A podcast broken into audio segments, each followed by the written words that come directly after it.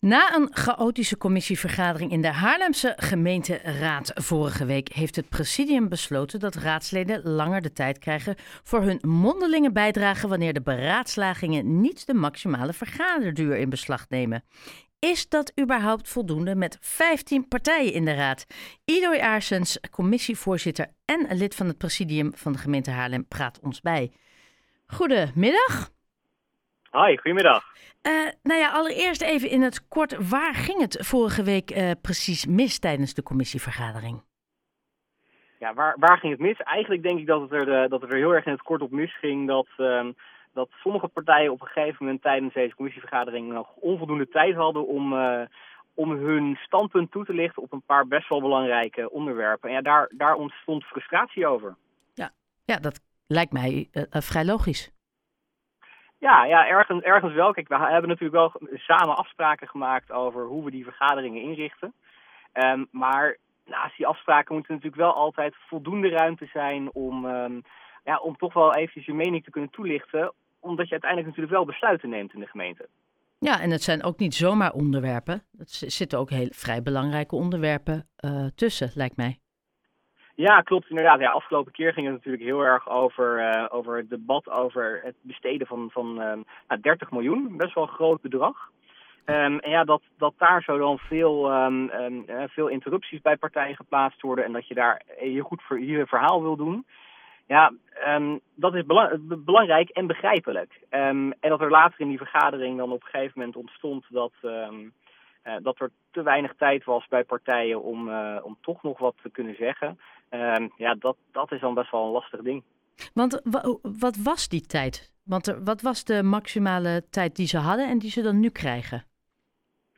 Nou, wat we als presidium nu hebben gezegd, is dat op het moment dat een vergadering in is gepland en op zich wat wij dan verwachten qua uh, nodige spreektijd, hè, we, we plannen een bepaalde tijd in per onderwerp, op het moment dat we uh, nu minder tijd kwijt zijn dan de tijd die we daarvoor eigenlijk plannen, dat is van de ene vergadering van 5 tot 8 en de andere vergadering van iets na 8 tot 11, um, dan geven we vanaf nu alsnog alle partijen wel eigenlijk alsof we die tijd tot 11 uur hadden ingepland. Dus daarmee hebben partijen best wel een aanzienlijke hoeveelheid extra spreektijd in sommige vergaderingen. En we proberen uiteraard ook om die uh, vergaderingen zo behapbaar mogelijk te blijven houden. Zodat wel iedereen voldoende tijd heeft om zijn standpunt toe te lichten. Ja, maar hoeveel, over hoeveel tijd hebben we het ongeveer? Is dat drie minuten? Is dat zes minuten? Is dat ergens ja, dat? Verschilt een klein beetje, uh, verschilt een klein beetje per, uh, per partij. Je hebt in Haarlem een, uh, een standaard die iedereen krijgt. Dat is een paar minuten voor een commissievergadering. En per zetel krijg je er dan nog wat bij. Zo hebben de grotere partijen iets meer spreektijd en de partijen met, met 1, 2 zetels ietsje minder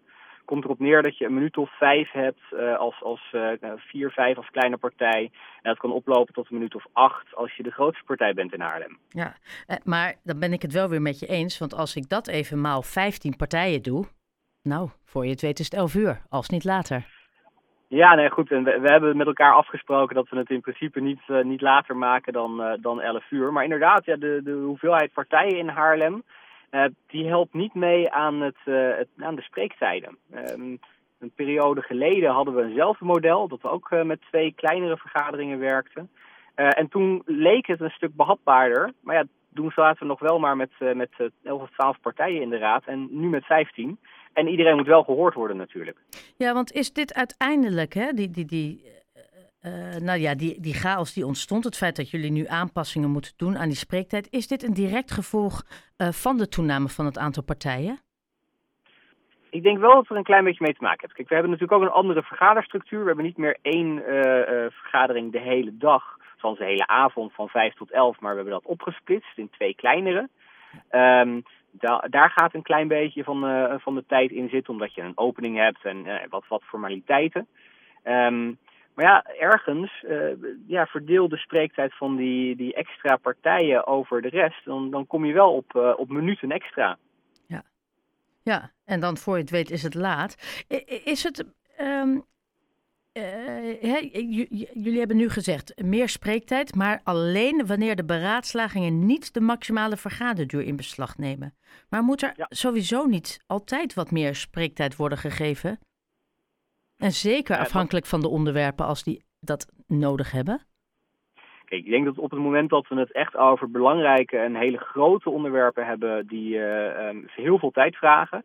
Een onderwerp is bijvoorbeeld uh, dossier Domus Plus, Skevenhuizen, uh, maar ook parkeren in de stad, waar, um, waar echt heel erg veel om te doen is. Um, ja, ik denk dat we daar zo echt wel voor moeten zeggen van, goh, dat is één onderwerp, daar gaan we het de hele avond over hebben, daar nemen we echt goed de tijd voor. Maar uiteindelijk als gemeenteraad zijn we er ook om besluiten te nemen en om soms door te pakken. Uh, dus ja, af en toe zullen we inderdaad in bepaalde spreektijden uh, bepaalde onderwerpen moeten behandelen. Is het dan zo dat ik zou zeggen, uh, je mag helemaal niks meer zeggen op het moment dat, ehm, dat je spreektijd op is en het is een onderwerp wat doorgaat naar de raad. Ja, dat, dat zijn afwegingen die moeten we maken. Um, ik denk dat we daar samen een verantwoordelijkheid hebben, alle partijen samen. niet alleen een commissievoorzitter die probeert om dat debat zo goed mogelijk in goede banen te leiden. Maar dat is een verantwoordelijkheid van ons allemaal. Ja, want is het zo, hè? als je 15 partijen hebt en die agenda's, ik heb ze gezien, dat is uh, flink vol, zo gezegd. Um, zeg, kan je ook bijvoorbeeld zeggen van dat niet alle partijen over elk onderwerp iets hoeven te zeggen? Hoe werkt dat? Ja, kijk, ik ga natuurlijk niet over wat andere partijen zeggen. Um, kijk, als, als uh, ook woordvoerder in, uh, in een commissie heb ik ook mijn spreektijd. En um, ja, je hebt toch altijd wel je eigen accenten die je aan wil brengen op onderwerpen. Want heb je dus eigenlijk, laat ik het anders zeggen, heb je eigenlijk dat elke partij eigenlijk over alle onderwerpen wel zijn spreektijd claimt?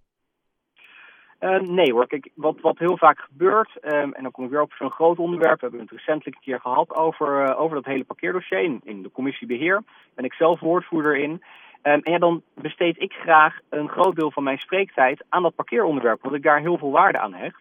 Um, en dat kan dan resulteren in dat je op een ander onderwerp iets minder tijd, uh, tijd besteedt.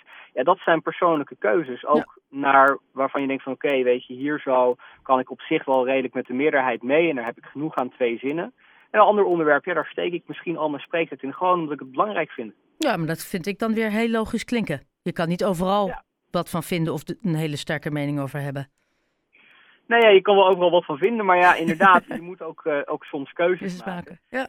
Um, dus dat, uh, ja, dat zijn dingen, dat is soms lastig. En ik denk dat het vooral belangrijk is dat, uh, dat we goed naar elkaar luisteren en het, nou, de verbindingen opzoeken met, met anderen. Um, want ja, als je stopt met luisteren naar elkaar en naar de stad, ja, dan gaan we inderdaad wel echt de mist in. Dus ik denk dat dit, uh, wat nu is gebeurd, een heel duidelijk signaal was van jongens, hier gaat iets niet goed. Als presidium hebben we daarnaar geluisterd en uh, voorgesteld om het te veranderen. En dat, uh, dat gaan we vanaf nu doen. Ja, want precies wat je zegt, dat het luisteren, dat communiceren, dat is het allerbelangrijkste. Met 15 partijen is dat simpelweg gewoon wat lastiger. Um, uh, verwacht je dat er nog meer verbeter- of aanpassingspunten zullen komen waarbij het presidium zich uh, over zal moeten buigen in de toekomst? Dat, dat is altijd even lastig om nu al te zeggen. Kijk, we hebben deze vergadering, uh, deze structuur, nu net één keer geprobeerd. Eén ronde is het nu als het ware geweest. en op basis daarvan hebben we gezegd, ja, er zijn een aantal dingen, daar moeten we wat mee doen. We hebben het direct veranderd. Maar ik denk ook dat het goed is om gewoon nu even te kijken Um, Oké, is de structuur die we nu hebben, uh, proberen we dit een aantal maanden en gaat dat goed, gaat dat niet goed? En als het niet goed gaat en we concluderen dat samen, uh, ja, dan zullen we dat moeten veranderen. En ik denk dat het wat heel belangrijk is, is dat we ook naar partijen luisteren die niet acht minuten spreektijd hebben. Um, zodat we er wel voor zorgen dat die ook gehoord worden. Kijk, als VVD zijnde um, hebben we vijf zetels in de raad over het algemeen uh, zitten wij, hebben we wat meer spreektijd dan de kleine partijen. Um, maar ja, dat wil niet zeggen dat je niet meer naar die kleine partijen moet luisteren, want die vertegenwoordigen ook een belangrijke stem. Zeker. Al met al denk ik dat we er samen, uh, samen aan de lat staan voor een best wel grote uitdaging. En, maar, maar, als ik het nu aan je vraag, zie je al punten waarvan je denkt, daar zullen we binnenkort ook eens naar moeten kijken, gewoon overal? Heb je er dan één ja, of twee? Ik, ik, denk dat we nu eventjes vooral uh, deze structuur moeten, uh, moeten aankijken. En um, los van dat ik zou, vinden, uh, zou willen dat we ehm, echt naar elkaar luisteren, oprecht naar elkaar luisteren en ook oprecht naar de signalen vanuit de stad. Dat is iets wat we soms ook nog wel eens vergeten. We hebben 15 partijen, maar we hebben ook um, bij de, ongeveer 160.000 inwoners. Dat is ook belangrijk om daar naar te luisteren. Dus ook daar moet voldoende ruimte voor zijn in, um, uh, in commissievergaderingen.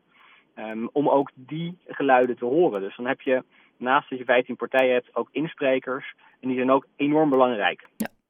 Ja, en, en, en dan heb ik had het net over die commissie, uh, commissievergadering, wat hiertoe heeft geleid. Daar waren aardig wat raadsleden toch wel ja, licht geïrriteerd. Jullie hebben vrij snel gehandeld. Hebben jullie met deze aanpassing en ook het tempo daarbij die irritatie kunnen wegnemen? Nou, ik denk dat, uh, dat dit een eerste stap is. Um, en um, ja, doe je altijd alles helemaal 100% goed? Nee, dat denk ik niet. Maar ik denk wel dat het presidium en ook ik zelf heb geluisterd naar de signalen die ik hoorde. en daar hebben we wel naar gehandeld. dus als je dan zegt van ja, is er geluisterd? Ja, ik denk het zeker. is alle stress en alle, alles weggenomen? Nee. maar ja, dat zou betekenen uh, op het moment dat we wel daaraan willen voldoen, dat we bijna iedereen een vrijbrief gaan geven om onbeperkt te kunnen spreken. Ja, dat zou betekenen dat ik, dat in plaats van het raadslidmaatschap wat ik nu doe als bijbaan, een parttime baan als het ware, moet ik er meer dan een fulltime baan van maken. en met mij alle raadsleden. En ik denk niet dat dat, dat, dat goed is. Nee. nee. Eloy Aarsens van het presidium in de gemeente Haarlem, heel erg bedankt voor deze toelichting. Uh, en heel veel succes de komende periode. Heel graag gedaan, dankjewel. Dankjewel.